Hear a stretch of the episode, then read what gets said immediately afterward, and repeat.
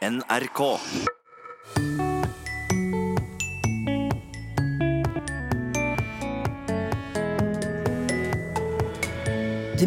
krydrer av ukjente språk rundt deg.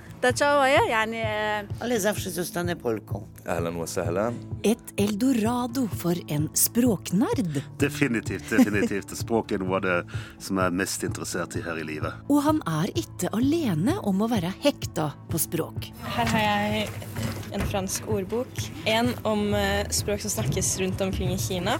En japansk. Og dette er notatboka mi i koreansk. 17 år gamle Tora har språk som hobby.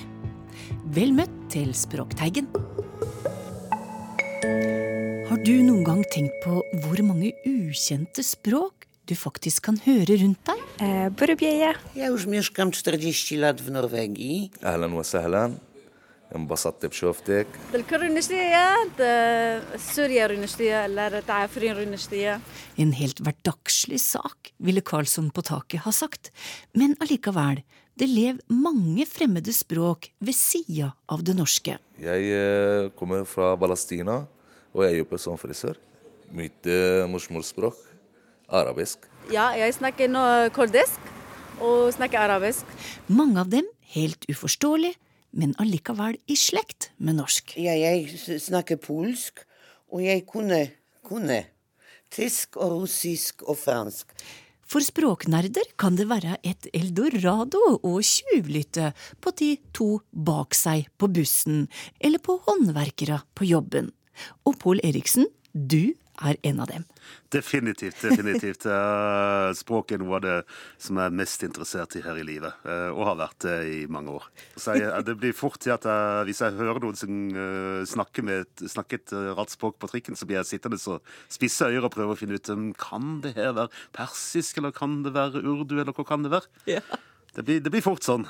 Og når du er nerd, så klarer du kanskje å finne ut av det òg, da? Sånn Av og til, men øh, av og til ikke. Uh, da blir det sånn Går litt sånn småirritert av trikken og så ikke. Altså, hvorfor, hva i all verden var det for et språk? Men du er jo ikke bare en språknerd. Du har òg en doktorgrad i lingvistikk og er minoritetsspråklig rådgiver hos Språkrådet, så du har jo òg en faglig innfallsvinkel på språkmangfoldet vi omgir oss med. Og nå har du skrevet bok om dette, Nye språk i Norge, en språkodyssé. Hvorfor er bok om det? Eh, nettopp det at eh, det finnes et mangfold av språk som folk ikke er klar over. Eh, folk tenker ofte ikke på både hvor mange språk vi har i Norge nå for tida, som har kommet gjennom, gjennom nyere, nyere innvandring, men også hvor mange språk det i det hele tatt finnes i verden. Det er et, altså når de, de språkene eh, nordmenn flest er fortrolige med, er de språkene som snakkes i Vest-Europa. Engelsk og tysk og fransk osv. Men det er som oftest den språklige horisonten mange har. Og uten, men utenfor eh, Vest-Europa, i resten av verden, så finnes det tusener av språk. Uh, både fjerne slektninger, og for ikke minst finnes det mange språk som ikke er i slekt med, ikke er i slekt med norsk i det hele tatt. Og det er denne her, det her mangfoldet som finnes i resten av verden, som jeg vil gi folk et innblikk i. For å vise folk hvor, eh, hvor varierte språk kan være. Jeg syns du vi har for lav eh, språkhorisont, eller? Ja, til en viss grad, ja. Altså, det er ikke nødvendigvis noe som eh, påfører oss uh, dyp skade å gå, å gå rundt med for liten språkhorisont. Men, altså, men jeg syns at folk går glipp av veldig mye. Det er veldig mye spennende å vite om språk, og det er det jeg ønsker å formidle. Hvor mange språk snakker du sjøl? Uh, det eneste jeg snakker flytende, er engelsk og russisk. Uh, engelsk fra vanlig, eh, vanlig skolegang, og så hadde jeg russisk på universitetet. I tillegg så snakker jeg litt finsk og litt italiensk. Men så kan jeg, som du sikkert har forstått, detaljer om grammatikk og språkstruktur på veldig mange språk. eh, Langt flere enn det jeg sjøl har oversikt over. Så, Men hele reisa den starter jo her hjemme, hvor du peker på et eh, ukjent språkmangfold bare her. Nettopp. Jeg startet opp med å vise til at eh, også før moderne innvandring så, så har det funnes et forholdsvis stort mangfold med språk i Norge. I tillegg til norsk så har vi samisk, som faktisk ikke bare ett språk, men eh, flere. Det snakkes tre samiske språk i Norge i dag. nordsamisk og sørsamisk og lulesamisk, som de heter. Som altså da ikke er dialekt av samisk, men faktisk tre forskjellige språk. Så de skjønner ikke hverandre? Eh, I hvert fall uh, nokså lite. Uh, det varierer litt, Uh, men f.eks. nordsamisk og sørsamisk skal være ca. så forskjellige som norsk og tysk. Og hvilke andre språk eh, har vi her, da? Eh, Kvensk har vi, og så har vi to romfolkspråk, romfolksspråk, romani og romanes. Og så har vi eh, norsk tegnspråk, må vi ikke glemme. I det jødiske miljøet så snakkes det både jiddisk og hebraisk, og så videre. Så du har, du har, eh, du har en del språk fra før av. Langt flere enn det folk eh, tenker på. Men så har vi som sagt fått et langt, langt større mangfold av språk i, i nyere tid. Eh, som, som lever rundt oss på gata. Som snakkes av folk eh, på trikken og bussen og T-banestasjonen osv. Og, så og det er vel verdt å få ørene opp for. Og mange av dem er slektninger av norsk. Ja. Norsk tilhører jo den språkfamilien som kalles for den indoeuropeiske familien. I likhet med mange europeiske språk som, eh, som ja, engelsk og tysk og fransk, og også eh, gresk osv. Men uh, det fins fjernere slektninger òg. russisk og polsk, eksempel, to store innvandrerspråk. De er, de er slektninger eh, i slekt med norsk. Men eh, eh, forholdsvis mer fjerne slektninger enn det sier engelsk og tysk er. Og så har du òg urdu, hindi og persisk, som faktisk også er slektninger med norsk. Men nå er vi kommet ganske langt ut i, ut i familien. Så her, er det, eh, så her er det jo ingen sjanse til å forstå hverandre umiddelbart. Men når man studerer språkene, så vil man oppdage at eh, her og der er det ord som likner, som viser til eh, slektskapet våre språk imellom. Men nå er vi òg inne på en slags odyssé, da, for da har jo det språket virkelig tatt en, en lang reise. Å ja. Alle språkfamilier stammer fra et urspråk som har vært snakka en gang i fjern fortid. Eh, også på et, eh, et eller annet sted i fjern fortid. Og den indoeuropeiske familien stammer da fra et språk vi kaller for eh, urindoeuropeisk. Og det ble snakka et eller annet sted rundt eh, Svartehavet, antageligvis på nordkysten. Der dagens Ukraina og Sør-Russland ligger. Og ca. for ja, 5000-6000 år siden. Det er det som er hovedteorien. Og det her folket her, det var et slags yngre steinalderfolk. De hadde så vidt oppfunnet hjul og så vidt begynt å lage litt metall osv. Mm. De eh, snakka da det her urspråket i vår familie. Og ifra, ifra det, det her stedet ved Svartehavet så spredte de seg vestover og østover.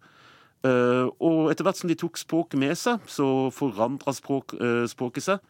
Uh, det ble til ulike dialekter. De ulike dialektene ble i sin tur igjen til ulike språk. Og etter hvert som tusenårene har gått, så har de endt opp med å utvikle seg til da, norsk, og, norsk og tysk og russisk og urdu. Hm. En lang reise. Ja, ja, ja.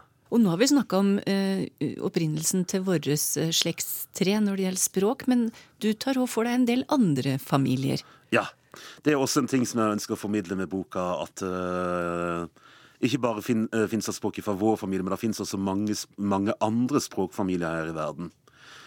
Folk flest i Norge de har hørt om to språkfamilier, gjerne. Det er, ja, det er de to jeg har nevnt så langt, nemlig den indoeuropeiske. Og så har de gjerne også hørt om at finsk og samisk tilhører den, den finsk-ugriske familien. Mm -hmm. Men det fins mange andre familier enn det også. Så for eksempel um, uh, arabisk og somali, som begge er med i boka, de tilhører den afroasiatiske familien. Og for eksempel tamil tilhører en familie vi kaller for den dravidiske. Så her er det mange familier. Men går det an å si, eller vet du det, hvilke språk eh, som er mest representert i Norge utenom vårt eget? Det er vanskelig å si, for det føres ikke statistikk over, over, dette, over hva slags språk som eh, snakkes av innvandrere og immigranter til Norge. Det føres statistikk over hvor de kommer fra, men ikke hva slags språk de har. Og et av de tingene jeg snakker om i boka mi, er, er nettopp det at det er ikke et én-til-én-forhold mellom land og språk. I mange land snakker man flere språk, mm. og noen språk snakkes over flere land, så det er vanskelig å si. Mm. Jeg vil tippe tippe at av ikke-vestlige altså av språk som ikke er fra Vest-Europa, uh, altså ikke de vanlige engelsk og svensk og dansk osv., så, videre, så vil jeg tippe at polsk er det som uh, det er flest som snakker i Norge. Men altså, det blir, det blir sånn Det blir tipping, egentlig. Jeg już mieszkam 40 lat w Norwegii. Czuję się dobrze, ale zawsze zostanę Polką. Hva betyr det? No, at jeg hadde bodd her 40 år. Trives veldig godt, men jeg blir alltid polsk. أهلا وسهلا انبسطت بشوفتك det betyr at uh, jeg gleder seg deg og velkommen. الكل رنشتية سوريا رنشتية eller تعافرين رنشتية Det er stor. Hva var det du sa nå? Eh, hvor bor du? Jeg bor nå i Afrin. Ja. Det å kunne prate flere språk, betyr det noe spesielt for deg? Ja, det gjør meg eh, bli forskjellig person. Ikke sant? Når jeg snakker norsk, jeg føler meg jeg er eh, eh, blir sånn Må ta norske tradisjoner, alt eh, som kommer fra norsk. ikke sant? Når jeg snakker arabisk, jeg er tilbake til min tradisjon og alt. ikke sant? Når jeg snakker engelsk, så jeg, det blir veldig viktig til meg å, å passe for engelsk. ikke sant? Men Hvilket språk er det som har fascinert deg aller mest, da? Nei, det er, det, det er veldig veldig vanskelig å svare på. Jeg er så glad i absolutt alle mulige språk, så det, det, det er nesten umulig å plukke en, eh, plukke en favoritt. Um, Men Nei, vi- vet, for, altså, det finnes alltid noe fascinerende. Hver, hvert enkelt språk har noe som er eh, fascinerende for min del. Det det språk, på det språket for eksempel, kan jeg tenke at oi, så spennende lyder. Og på et annet språk kan jeg tenke at oi, det her var en eh, fascinerende måte å, å bøye, bøye adjektiv på. Så mange forskjellige ting som gjør at språk er fascinerende. Å ja. Ja. Variasjon eh, i språket er noe som fascinerer meg voldsomt. At eksempel på språk i, eh, i det fjerne Asia, i Thailand og Vietnam, så er tone eksempel ekstremt viktig. Ett og samme ord kan ha fem-seks forskjellige betydninger, alt etter hva slags tone man uttaler ordet med. Eh, Det er veldig fremmed fra det vi er vant med i Europa. Eller eh, måten som sier arabisk eh, grammatikk oppfører seg på. Det, da skal jeg ikke gå i detalj om det, men den oppfører seg ganske forskjellig fra, fra vår grammatikk. Og altså, Måten språk varierer på, det, det fascinerer meg. Det sa lingvist og forfatter Pål Eriksen, og det var Helle Therese Kongsrud som hadde snust seg rundt til fremmede språk på gata.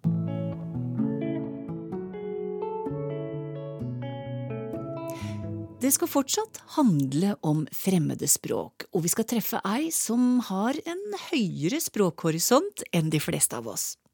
17 år gamle Tora Dale Olsen fra Hønefoss har sekser i skolefaga engelsk og fransk. Hun snakker japansk og er usedvanlig nysgjerrig på nye språk. Ciao. Hi.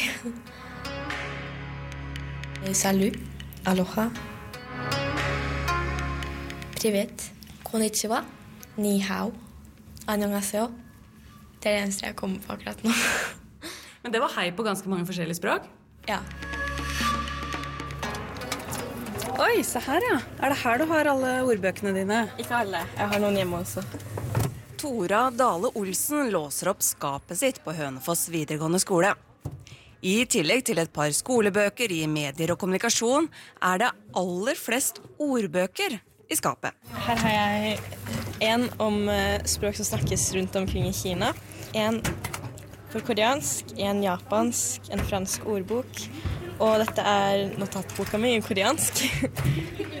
Jenta er langt over gjennomsnittet interessert i språk. Det startet vel med at jeg alltid har hatt en interesse for ulike mm, kulturer. Da. Um, jeg husker da jeg startet på barneskolen, så var jeg veldig fascinert av um, Kina og Egypt. Men da var jeg jo veldig ung, så jeg hadde liksom ikke muligheten til å begynne å lære meg kinesisk sånn helt ut av det blå. Eh, Men eh, etter hvert så bestemte jeg meg for at jeg hadde lyst til å flytte til Japan, så da skulle jeg lære meg japansk. Eh, og det at jeg startet å lære meg japansk, åpnet liksom flere dører, da, på en måte. Da jeg var på et akvarium i Osaka, så eh, skulle jeg kjøpe gaver til søstrene mine. Og da jeg skulle betale, så kom jeg bort til kassa og så spurte jeg hva da det hara mo ii desu ka? Som betyr er det greit om jeg betaler med kort, fordi i Japan så bruker de som regel kontant. Sa hun som jobbet i kassen sånn ah. Sånn, Det betyr å, du, du snakker bra japansk, eller å, du, du er flink i japansk, liksom. Nå jobber hun med å lære seg ti språk til, bl.a. esperanto, italiensk, swahili, russisk, hawaiisk og et par som kanskje er enda mindre utbredt. Navajo, og tsonka. Navaho, det høres ut som et eh, språk til en indianerstamme, eller? Ja, det er det. Og det andre var Tsonka. Det snakker de i Bhutan. Får du brukt dette da, tror du? Eh, det er et godt spørsmål. Det, jeg aner ikke. Men du, det er sikkert noe som gjør Hva er det som gjør at du Det er akkurat de språkene, da? Som du har valgt, og som du har lyst til å lære? Jeg syns Bhutan virker som et veldig fint land. Det er liksom midt i, i fjellene, og det virker som at de har en veldig interessant kultur. Eh, og dessuten så er de det eneste landet i verden hvor de måler brutto nasjonal lykke. Så hvis folkene der er så lykkelige at man må måle hvor lykkelige de er, så virker det som et veldig spennende sted å dra. um, og jeg har en liten plan om å bo midt i en landsby i fjellet i Bhutan når jeg blir pensjonist. Nysgjerrig på både språk og kultur, Tora Dale Olsen. Reporter Anette Skafjell. I disse VM-tider, med ski på beina, har Språkteigen flotta seg med eget VM-studio. Siste utgave av det kommer i dag, og jeg setter på nytt over til Helle Therese Kongsrud og Kristine Meklenborg Salvesen.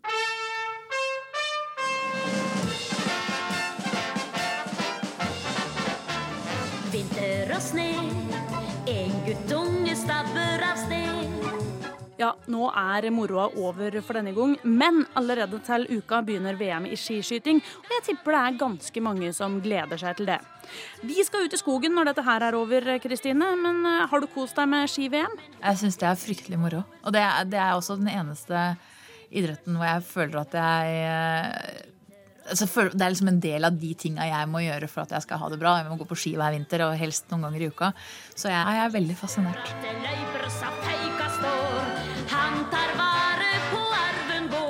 Til alle tider har tydeligvis skiferdigheten stått som et ettertraktet mål for norsk ungdom. Og Så går vi over på Pål Gunnar, som har 40-06 nå. Og jeg minner stadig om Oddvar, som har 41-41. Snø. Snø er, er jo kjempegammelt. Altså igjen, norsk er jo eh, i den indoeuropeiske familien. Det er helt klart at disse har hatt eh, De har visst hva snø var. Så ordet går veldig veldig langt tilbake. Eh, I norrønt eh, så, så heter det snjær eller snjår eller snår. Snjår. Eh, og i norske dialekter så heter det jo snjo, sjog, snjø og sny. altså Det er veldig mange varianter, som, og det var allerede mange varianter i norrøn. Og det er nok fordi at det har vært et ord som har vært med oss veldig lenge. Det som man tror, og igjen så er det Lindemann og Bjorvannet som er kilden min her, det, det opprinnelige verbet i indoeuropeisk, det eh, betegna noe som samla seg til en fast masse. Og det kan vi på en måte skjønne når vi ser ut og ser at det snør, og så legger det seg på bakken, og alle som har måkt snø, veit at det blir, det blir ganske massivt etter hvert når du skal begynne å, å flytte på det, og kanskje også når du får litt skara og litt mildvær i det. Eller lage en snømann. For Eller lage en snømann. ikke sant? Så, og, mens hvert enkelt snøfjon er jo utrolig lett og, og, og spinkelt, mens i, sam, når det samler seg, så blir det altså massivt. Og Det som er litt gøy, da, er at i gammelindisk, så den akkurat samme rota, den eh, brukte man for å betegne slim. Artig. Men snø er i hvert fall veldig gammelt. Slalåm. Burås kommer på 1.21,33 og har ledelsen med 58 hundedeler. Har du sett på maken til kjøring? Låm eh, betyr løype. Sla er visstnok dialekt for hellene, altså skrånende landskap. Så det er ei løype som går i nedoverbakke. Hans Petter Burås, 22 år gammel fra Gjettum. På vei mot mål skal det bli beste tid, og det blir det! Har ikke sett på maken! Hockey. Ja, da skal vi tilbake til fransk. Eh, Jeg har leita litt for å finne ut av hockey, og ingen veit egentlig hva det kommer av. Så den beste teorien er at det skal eh, komme fra en mellomfranske hockey, som eh, er en eh, diminutiv, altså en, en, et ord som viser noe som er mindre enn. Hokk, eh, som er, som er en stav. Eh, ok- Okisk betyr en gjeterstav, mens ok betyr nærmest en krok eller noe som er bøyd. Det er en stav med en krok øverst på. Og det er jo betegnende for ei eh, kølle. Så hvis du tar, hvis du tar en eh, gjeterstav med en krok øverst og snur den opp ned, så kan du helt fint bruke den til å spille ishockey med. Så det er eh, det er teorien bak det her. Og, og jeg tror ingen egentlig har fått bekrefta eller avkrefta akkurat det. Men la oss nå si at ishockey har fått navnet sitt av en opp-ned-gjeterstav. Jeg liker den teorien. Ja, jeg òg. Skøyter. Og Kai er så sliten, så sliten, og han får omtrent ikke flyttet bena på vekslingssiden. Skøyter, det har du notert at er fra Nederland. Eh, og, eller fra nederlandsk. Eh, og det passer jo veldig godt ettersom at det er så ekstremt mange nederlendere som er så gode på skøyter. Ja. Og har du sett sånne gamle videoer? Hvor de er alle ute og går på skøyter i kanalen. Altså bare i full fart på skøyter vekk fra kanalen og opp ei trapp. Og jeg ser for meg liksom sånn mengder av lårbeinsbrudd hvis jeg skulle prøvd noe lignende. Eh, Og det er jo ikke så dumt, fordi at det ordet føres tilbake til, er ordet skank, som da er en betegnelse på, på lårbein, skinnbein. Og angivelig så er det da fordi at de tidligste skøytene så brukte man bein eh, til, som skøytejern før man brukte jern. Angivelig. Men jeg, jeg syns siste ordet er såpass god at vi kan godt holde på det. Mesterskap. Vi kan jo starte med skapet, da. Til slutt. Ja. Eh, For å ta den endelsen. Eh, Og den har vi nok fått inn fra lavtysk. Eh, Det heter På middelnedertysk så heter det schap. eh, Og høytysk så vil du si schaft. Altså mesterskap heter på tysk meisterschaft.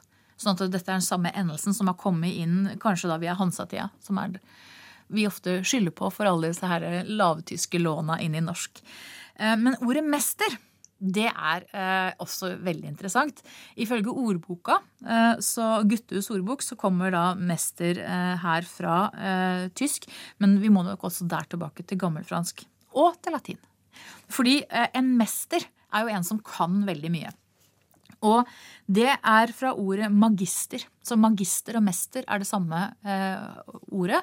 Men den G-en over i gammelfransk blir til en I. Det er derfor du går fra mester til me meistre. Eh, og opprinnelsen til magister er et adverb som eh, heter magnopere. Som eh, betyr mye på, på latin. Som bøyes eh, uregelrett. Det heter magnopere, magis og maxime. Og det vil si magis betyr mer. Så en magister eller en mester er en som kan mer enn andre. Sånn at det er den betydningen som da har gått inn i språket. Så et mesterskap er da et substantiv som vi har laget ut fra dette ordet. Det er for dem som kan mer enn andre. Det er de som allerede er flinke. Eller er bedre. Som er enn andre. bedre enn andre. Har hatt mer tid til å trene. Hatt mer tid til å trene. Og kanskje hatt eh, litt bedre medfødt lungekapasitet enn noen av oss. Kanskje.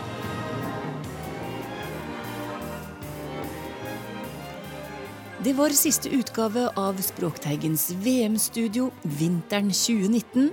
Helle Therese Kongsrud var programleder, og med seg hadde hun førsteamanuensis i fransk ved Universitetet i Oslo, Kristine Meklenborg Salvesen. En bunke lytterspørsmål ligger foran oss, og det første kommer fra Inger Vinsnes. Fins det et dekkende ord på norsk for dette forferdelige outsourcing? Det er vanskelig å både skrive og uttale. Kanskje Sylfest Lomheim har et forslag, spør hun. Ja, det har jeg, sjølsagt. Fordi eh, det er klart at eh, dette, har, dette ordet har jo plaga oss i næringslivet, ja til og med i det offentlige. Outsourcing sannsynligvis siden 90-tallet og framover. Og det er jo sett sammen av eh, out, ut, og så source er jo ei kjelde, altså et opphav. Og verbet å outsource blir òg brukt. Men det er klart at eh, norske ord er ikke vanskelig å finne. Vi kan snakke om å sette bort et oppdrag eller ei tjeneste, og sette det bort. Da outsourcer vi det.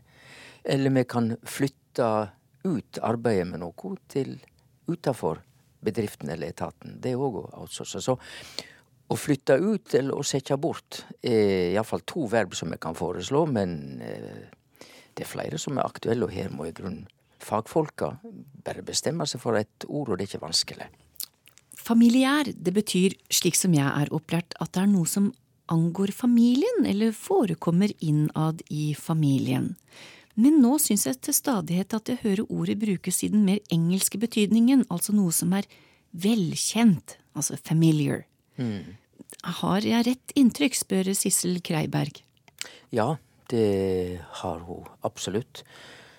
Eh, Det er ikke Det er faktisk ganske etablert i norsk at eh, eh, familiært og familiær Selvsagt kan det ha meninga at det, det er noe som er knytt til familie, men det er etablert bruk i norsk også å bruke familiært om noe som er nært. Jeg ser at ordbøkene òg fører opp eh, at det kan brukes om noe som er, påtvunget, fortrolig, altså at det er nesten litt sånn eh, ikke bra.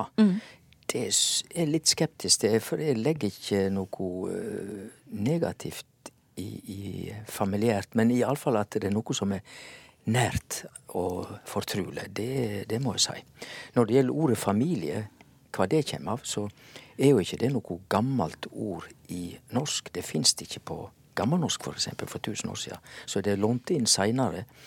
Det er jo et latinsk ord. Og det latinske ordet ble jo brukt som vi nå bruker familie i våre dager, men opphavet til det ordet var rett og slett eh, eh, tjenerne som var i et hus. Det var opphavlig de som ble omtalt som familie.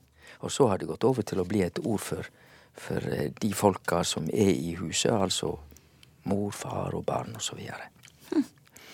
Men jeg skulle tro at eh, når vi bruker familiært om noe som er nært og kjent nå, så er det en eh, påvirkning fra engelsk. Jeg lurer på om Språkteigen kan svare på om det norske ordet hi, eksempel som i bjørnehi, har noen etymologisk sammenheng med det engelske hibernation, altså dvaletilstand. Eller heter det hibernation? Jeg ble litt usikker der. Ja. Og jeg ser at den kan bruke hibernering og på norsk. Er det tilfeldig at hi er sentralt i begge orda, og at de omhandler samme fenomen? På en måte, spør Elling Utvik Wammer. Ja, og der må jeg bare være ære nok til å si at eh, da dette spørsmålet kom til oss, så lurte jeg på det samme sjøl. Fordi det er jo ingen tvil om at å ligge i hi, det er jo det bjørn og andre gjør om vinteren. Og det er heller ikke tvil om at eh, hibernation på engelsk betyr vinterovernatting. Og eh, du sa jo òg at hibernering kanskje er på vei eh, til å bli brukt litt i norsk. Og hibernation, det kommer jo av eh, hibernum på latin, som betyr vinter. På fransk er det hiver. Og eh, da kan han jo lure på om den hi òg i norsk er første bokstavene i hibernation og hibernering. Ja. Det lurte jeg på. Jeg måtte sjekke. Ja. Og svaret er rett og slett at det er ingen sammenheng. eh, for det med hibernering, hibernation, er som sagt det er det ordet for vinter som ligger til grunn. Men hi, ser jeg, det er et urgammelt ord for et leie der du ligger. Og på gammelnorsk heter det hid med en d. Nå heter det bare hi uten det. Og eh, ordet går tilbake til vårt indoeuropeiske hav, så ordet er veldig gammelt. Et ord for leie, det å ligge. Så ingenting sammenheng med det latinske, engelske ordet for vinter. Hibernum og hibernation. Det blir svaret. Takk til deg, Sylfest Lomheim, for svar på dagens lytterspørsmål. Har du spørsmål, så er det bare å skrive til oss på teigen krøllalfa nrk.no. Vi høres om ei uke. Ha det bra.